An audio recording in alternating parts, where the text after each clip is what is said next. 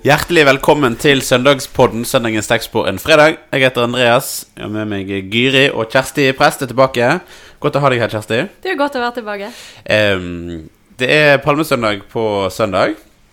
Uh, og vi skal snart eh, gå inn i teksten, men liksom en del av, eh, av teksten handler litt om dette med uh, ja, kontra overdådighet kontra ikke, på en måte. Eh, har dere noen sånne der, eh, opplevelser der dere har vært liksom i Om det er en fest eller et sted der det har vært sånn her Nesten litt sånn her Noe liksom ubegrensa. Litt sånn her eh, Ja, Bortsett fra sånne sørlandske eller sunnmørske kakebord, tenker du? Ja. Ja, nei, du, jeg har Jo, jeg har faktisk det. Jeg, eh, vi var i et bryllup når Hanna var bitte liten, så var vi i et bryllup i Larvik.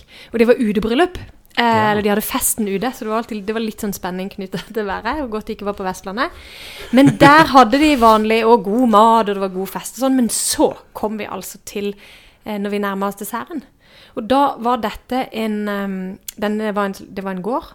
Og nabogården hadde da var en jordbærgård.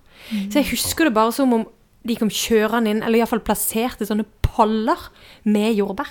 Og det var liksom de største, søteste, saftigste jordbærene, og du kunne bare spise helt ubegrensa. Og det var bare den der følelsen av at dette er helt Den har sittet igjen som en sånn Aldri opplevd sånn overdådig uh, jordbærspising noen, noen gang. Er det en lovlig fråtsing, på en måte? Ja, det syns jeg det burde gå under. ja, for det er nettopp det, da. Hva er lovlig fråtsing? Ja, jeg tenker jo mer sånn Når du sier overdådig, så Jeg må jo til USA, liksom. Ja, vi har jo vært litt i USA, Ja. Gyri. Og der, Vi har gått på samme internatskole, meg og Andreas, Mm. litt forskjellige tider og sånn. Men Ja. eh, det største iallfall vi nordmenn visste når vi var der, når vi skulle feire noe tror jeg hadde bursdagen min der. og Da gikk vi på en restaurant som heter Ponderosa, som var en sånn all you can eat. For sikkert veldig billig penger. Og det beste der var eh, softismaskinen. Oh. Det var fantastisk. Jeg husker faktisk noen av de klassevenninnene mine De gikk De, gikk på, do- de åt første omgang, og så gikk de på do og, og kasta opp, og så Nei. åt de mer. Nei. Ja. Ja. Det, Og det- der har du baksida! Ja. Det kan du kanskje si. Nei, det er jo den her eh, jeg, Men jeg husker eh, dette, dette stedet med Mm. denne her ubegrensa softismaskinen som uh, fikk kjørt seg eh, Ja, Ja, men litt altså mer enn nødvendig, kanskje.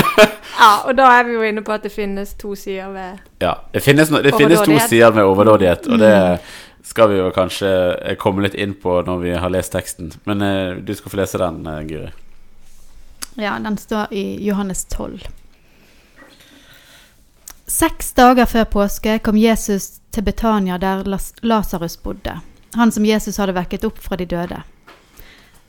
Der ble det holdt et festmåltid for ham. Martha vartet opp, og Lasarus var blant dem som lå til bords sammen med ham. Da kom Maria med ett pund ekte, kostbar nardussalve, og med den salvet hun Jesu føtter og tørket dem med håret sitt. Hele huset ble fylt av duften. Da sa Judas Iskariot, en av disiplene, han som siden forrådte ham. Hvorfor ble ikke denne salven solgt for 300 denarer og pengene gitt til de fattige? Dette sa han ikke fordi han hadde omsorg for de fattige, men fordi han var en tyv. Det var han som hadde pengekassen, og han pleide å ta av det som ble lagt i den. Men Jesus sa, la henne være. Hun har spart salven til den dagen jeg skal begraves. De fattige har dere alltid hos dere, men meg har dere ikke alltid. Det ble kjent i den store mengden av jøder at Jesus var i Betania. Nå kom de dit, ikke bare for hans skyld, men også for å se Lasarus, som han hadde vekket opp fra de døde. Da la overprestene planer om å drepe Lasarus også. For mange av jødene dro dit på grunn av ham og kom til tro på Jesus. Dagen etter fikk folkemengden som var kommet til festen, høre at Jesus var på vei inn i Jerusalem. Da tok de palmegreiner og gikk ut for å møte ham, og de ropte, Hosianna, velsignet er Han som kommer i Herrens navn, Israels konge. Ehm, først jeg lurer på om eh, du har fått alle tekstene med der de er på besøk hos Maria og Martha og Lasarus. Det det tror jeg faktisk jeg har, og det passer jo egentlig helt uh, ypperlig. For jeg har altså så mange ganger lurt på dette. Hvordan i all verden var dette huset? Ikke nødvendigvis sånn, sånn um, arkitektonisk, men dette må jo ha vært et slags sånn samlingspunkt. Folk renner jo inn og ut av det huset. For en gjestfrihet! Altså, det, det er jo til stadighet at de er der. Og her er det fest. Sant? Og i, i Og Martha er Matteus på og- kjøkkenet. Martha Maria. Jeg ikke. Eh, nei, og her sitter de eh, i, i, I Markus og Matteus så kommer vel den teksten litt seinere. Fordi at her da står det at du, jeg tror du er på den onsdagen. Johannes har jo litt sånn egen tidsregning, og det blir veldig synlig inn mot påske. Eh, noen lurer jo på det bare fordi at han var essener og fulgte den essenske kalenderen. Det kan også være at Johannes skriver mer for å få fram poeng. Men da er det onsdagen, og da er det jo Simon den spedalske, og det har jo vært Noen mener da det er noen teorier som går på at Simon den spedalske var far til Martha og Maria og Lasarus. Men Martha og Maria og Lasarus har vi jo uansett hørt om. Lasarus var jo Han var jo Oppreist kjen fra de litt kjendis, eh, Ja, virker det som. Ja, det kommer jo tydelig fram etter hvert i teksten at han har blitt ganske ganske kjendis. ja. Men dette huset, altså. Det må jo Ja, det ha vært Altså, Tenk på alle de folkene som var inne. Tenk på alt det som skjer der. Tenk på disse sånne Der kan en jo skjønne at gjestfrihet er en nådegave, altså. ja, og en kan jo kanskje tenke liksom lurt på litt på Er dette et, liksom et kjempestort, overdådig, nesten litt sånn palassaktig hus på denne tiden? Eller er det bare rett og slett noen som har en åpen dør og et åp, Altså som denne gjestfriheten altså du snakker om, Ja. som bare er liksom helt sånn enorm. Og det er kanskje større sannsynlighet for at Ja, for jeg de bodde i et helt ganske vanlig hus, men bare det var plass til alle. Mm, jeg kan ikke helt se for meg at det lå et palass i Betania. Betania er jo da en Hvor langt er det fra. Jerusalem, egentlig? Nei, det er jo ikke så mange kilometer, har jeg lest et sted at det er sånn fem-seks. Men du må, Ja. hvis du er i Jerusalem, og hvis en ser for seg det mest sånn kjente bildet av Jerusalem, det er tatt fra eh, utover tempelhøyden. Men det er tatt fra Oljebergsida. Det er når du ser ned på murene, og så ser du den kuppelen på Al-Aqsa-moskeen. Eh, men det er et sånn veldig velkjent sånn utsiktspunkt oppe på Oljeberget. Men du må liksom videre forbi det. Altså gjennom først ut fra tempelet, gjennom Kedrondalen, opp der Getsemanehagen lå, forbi videre. Eh, over kanten på Oljeberget. Og så må du ned igjen på andre sida. Og der ligger Betania. Så Betania var jo liksom en sånn liten forstad, eller en landsby utenfor Jerusalem, selve ja. Jerusalem. Mm. Jeg kan ikke se for meg at det var så veldig det at det var liksom eh, de største herrehusene der, hvis en skulle si det sånn. Så jeg tror dette huset, altså Tenk denne gjestfreden til Simon, hvis det var han som var faren. Mm. Martha, Maria og Lasarus. Da de tar imot folk og tar imot Jesus, det er jo helt tydelig at dette har vært et samlingspunkt som var viktig. Og det tenker jeg i forhold til Tenk på alle de som opp igjennom historien har hatt en åpen eh, dør og en ekstra plass på kjøkkenet for andre mennesker, og alltid tenkt smått om det. Her blir vi jo iallfall oppfordra til å tenke stort om det å huse en til. Jeg kan huske at min mormor nemlig dekka alltid på i tilfelle noen kom innom. Er det sant? hun bodde i et på, Hun satt ofte på en tallerken til. Ah, ja. I tilfelle noen kom innom for en Wow. kaffetår. Fordi at de bodde sånn at mange gikk forbi. Og det kom ofte noen innom. Ja. Søstera mi òg er litt sånn, de har ofte noen innom på middag, enten en nabo eller Ja, for der er det veldig sånn tett nabolag, da. Så det, Ja, det er en nådegave. Det er veldig altså, fint, det er veldig hyggelig. Jeg er jo vokst opp med at eh, det alltid er plass til noen ekstra, og det gjør jo noe med, med, med en sjøl og familierelasjon. Og, ja, det er veldig fint. Og Og her blir det jo selve stedet, da. For en ganske sånn stor hendelse. Ja, det er jo det, for Mm. det, du får denne salvingen som, som skjer her, med Maria som kommer med denne nardussalven. Eh, som jeg tror vi har snakket om hva en nardussalve er før, men det er jo en veldig veldig kostbar og, og fin salve Mm. som brukes eh, em, Som Maria bruker her. Eh, og så er det jo Det står jo om salving eh, i Matteusevangeliet, som Mm. vi snakket om, eh, og Markusevangeliet, men det kommer seinere.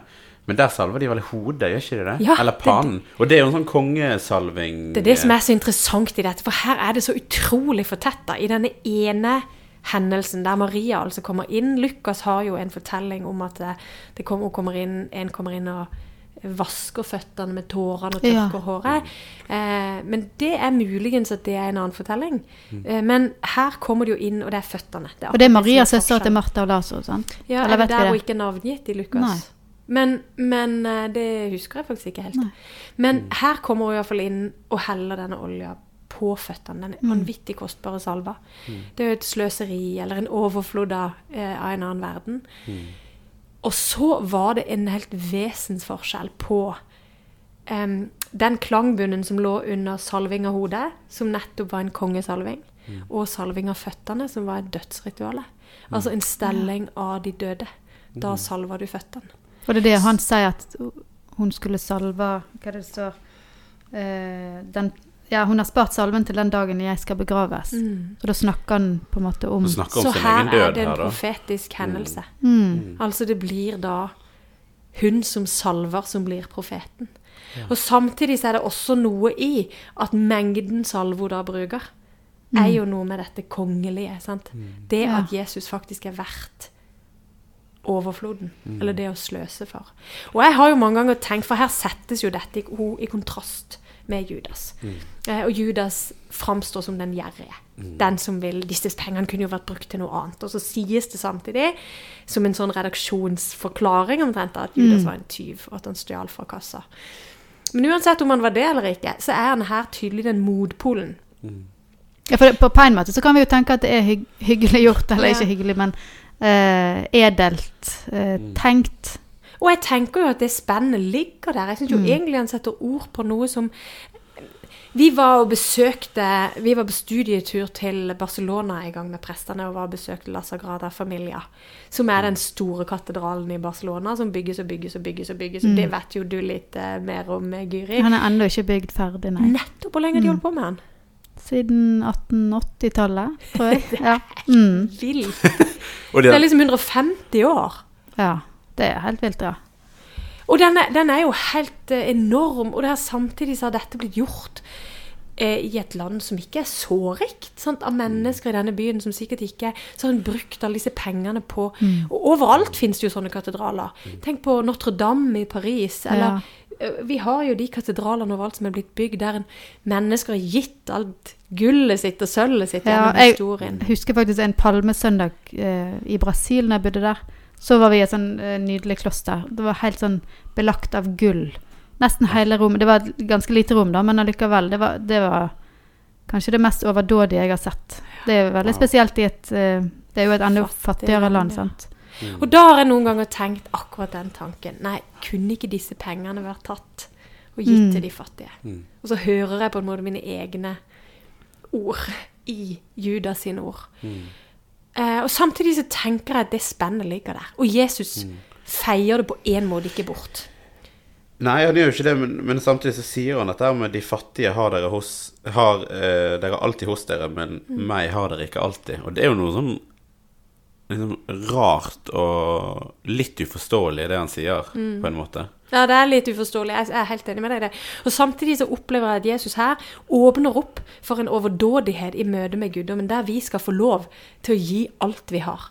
Ikke fordi vi må gi alt vi har, men fordi det faktisk kanskje er det eneste svaret vi har på et møte med Gud.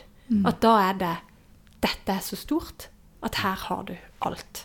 Ehm, og det er liksom som den klangen av disse 'Herre, Herre, jeg, send meg', sant? der en gir hele seg, men også gir tingene sine. Så Jesus åpner for den overdådigheten i møte med han. Denne, denne her kan vi, altså Disse katedralene som med å stå der, vitner om Gud. Eh, og i hele sitt I all sin på en måte overdådighet blir med og peker på Gud. Og samtidig så, så sier han også her begrenser han det. Han sier ikke at det skal dere alltid gjøre, eller det er nå dere har meg hos dere. Så jeg tenker jo at den, det spennet lever vi med. Og så syns jeg altså det er noe befriende i For kristendommen har jo ofte vært eh, I alle fall den arven vi har på Sørlandet og Vestlandet og egentlig mange steder i Norge i det hele tatt, som er liksom den pietistiske arven, da. Der en skulle tone ned alt det, og en skulle helst være em, Da er det noe befriende. Det skulle helst være litt, det skulle være litt smått, da. En skulle holde igjen på ting. Spare litt og sånn.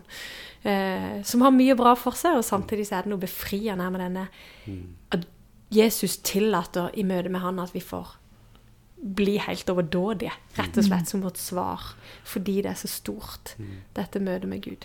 Ja, det er jo en tosidighet her, på en måte, som Mm. egentlig lever ganske godt sammen med det eh, den, si, den pietistiske arven som er litt mindre, men òg den eh, denne overdådige overdådige delen av det som er befriende, som du sier. Og så i teksten her, hvis vi skal gå litt videre, så kommer, får vi på en måte Teksten er på en måte litt sånn delt i to. Du får denne her salvingsdelen av teksten som som er en veldig veldig viktig del av, av eh, denne evangelieteksten. Og så får en inntog i Jerusalem, som er jo en palme, som er jo liksom palmesøndagsfortellingen. søndagsskolefortellingen om eh, Jesus som rir inn i Jerusalem på et esel, og folk roper eh, Hosianna. Em, så dette eselet som jeg i hvert fall husker når jeg eh, vokste opp, så, så var det liksom snakk om dette her eh, ydmyke kongen som kommer Se, han ridende. kommer til deg ydmykt ridende på et esel. Ja. Ja, og det eh, er det jo. Eh, Men det jo en Det eh, jo, kan jo være en sannhet med litt modifikasjoner, fordi at det ligger nok en dobbelthet i den ydmykheten. For denne, hvis det er det jeg har blitt fortalt av, var at eh, på den tida så rei kongene inn til salvinga si på et esel. Når en konge skulle bli salva, så rei de ned fra Oljeberget inn til tempelet på et esel. Og det var for å vise sin ydmykhet. For å vise 'jeg er en av folket'. Jeg kommer ikke med krig, jeg kommer med fred. Fordi at det, hesten var jo krigs. Det triumferende, litt sånn krigerdyret. Mens eselet var det ydmyke, arbeidsomme folkets dyr. Men det var ikke sånn at de rei inn på en esel, et esel og så rei ut på en Det skulle de jo tenkt, da. Det er jo det som er bildet på Jesus. Vi viser jo Jesus ofte som Nå er han ikke så ofte på hest, da, men den, den mer triumferende etter oppstandelsen. Men her er det jo tydelig at han påtar seg denne ydmykheten, som nok helt tydelig hadde også en konge eh, forventning knytta til seg, da. Så han både Som folk kjente, Ja, hvert fall i skriftene? så han både oppfyller kongeforventninger, og samtidig som han ikler seg ydmykhet. Og kommer som den kongen som kommer med fred. Den kongen som ikke kommer som en krigerkonge, men som kommer ydmykt og av folket. Og så rir han inn, og så er det noen som da gjenkjenner han. Og det er klart at det lå en sånn Lufta var jo på en måte tjukk av Messias forventning. Og her var folk kommet for å feire påske. Noen hadde sikkert hørt om han. Eh, Ryktet hadde gått. Det var allerede betydelig sånn uro, ser vi etterpå, av de som ville skaffe eller de som ville skaffe Lasarus av veie fordi han Ja, førte han. folk til Jesus. Ja, til og med i Lasarus skulle litt av livet fordi ja. han eh, pekte på Jesus. Det, er ja. Så her er det helt sånn tett. Eh, har jeg liksom den der følelsen av at her må det ha vært sånn yrende. Ja. Og så er det noen som begynner å kaste av seg kappene og kutte palmegreiner og vifte. Og så sier de Hosianna, som kommer av det arameiske ordet hos, som er Hosianna, og som rett og slett er en, et, et, et rop om en, en bønn, et bønnerop. Så her roper en som en bønn, eh, og så kom til oss, Herre. Eh, og så siterer Salme 118. Velsignet er Han som kommer i Herrens navn. Ja, for i, i bibelteksten så, så er det jo ganske tydelig, ganske sånn direkte sitat fra salmene. Så dette kjente de godt til, Salmenes bok og Salme Og 118. Ja, da tyr en til de ordene en hadde, og for de kjente ordene. Og så i det så ligger det en Dette er han vi har venta på. Kom. Kom, Herre. Um, og så braker det på en måte løs her. Sant? Det er jo litt sånn, jeg kan liksom, jeg lurer på om vi snakket om det i fjor, denne her liksom denne ufortellingen. Der det begynner, påskeuken begynner jo på en måte på en høyde med inntoget. Og så er alt det som skjer eh, i løpet av uken som på en måte Du går lenger og lenger ned helt til du er på langfredag i liksom dypet. Og så får du toppen igjen på Og en uform, vet du, På- det er faktisk den klassiske fortellingsbuen Mm. til en det er komediens form, da. Det er Ja. det som ender godt. Ja. Eh, og det er jo Jeg tenker det å ha hørt fortellinger før, og likevel så er det tungt å Mm. gå. Men akkurat å gå ned i den, ned i den bunnen. Men akkurat nå så er vi på Nå er, vi det fest og glede. Point, Og det er fint. Ja. Ja. ja, men veldig, veldig bra. Palmesøndag er det altså eh, på søndag. Og så må vi faktisk si at eh, det er jo eh, Nå har vi holdt på med podkast i to år. Nå er det, Det har vi. tredje gangen vi er gjennom påskedagene. Så det er jo en, det er jo en fest og glede, det òg. Ja, ja, ja. Veldig fint. Vi skal avslutte med å be vår far og velsignelsen. Vår Far i himmelen. La navnet ditt helliges. La riket ditt komme. La viljen din skje på jorden slik som i himmelen. Gi oss i dag vårt daglige brød, og tilgi oss vår skyld, slik også vi tilgir våre skyldnere. Og la oss ikke komme i fristelse, men frels oss fra det onde. For riket er ditt, og makten og æren i evighet. Amen. Velsign oss Gud Fader, velsign oss Guds Sønn, velsign oss Gud du Hellige.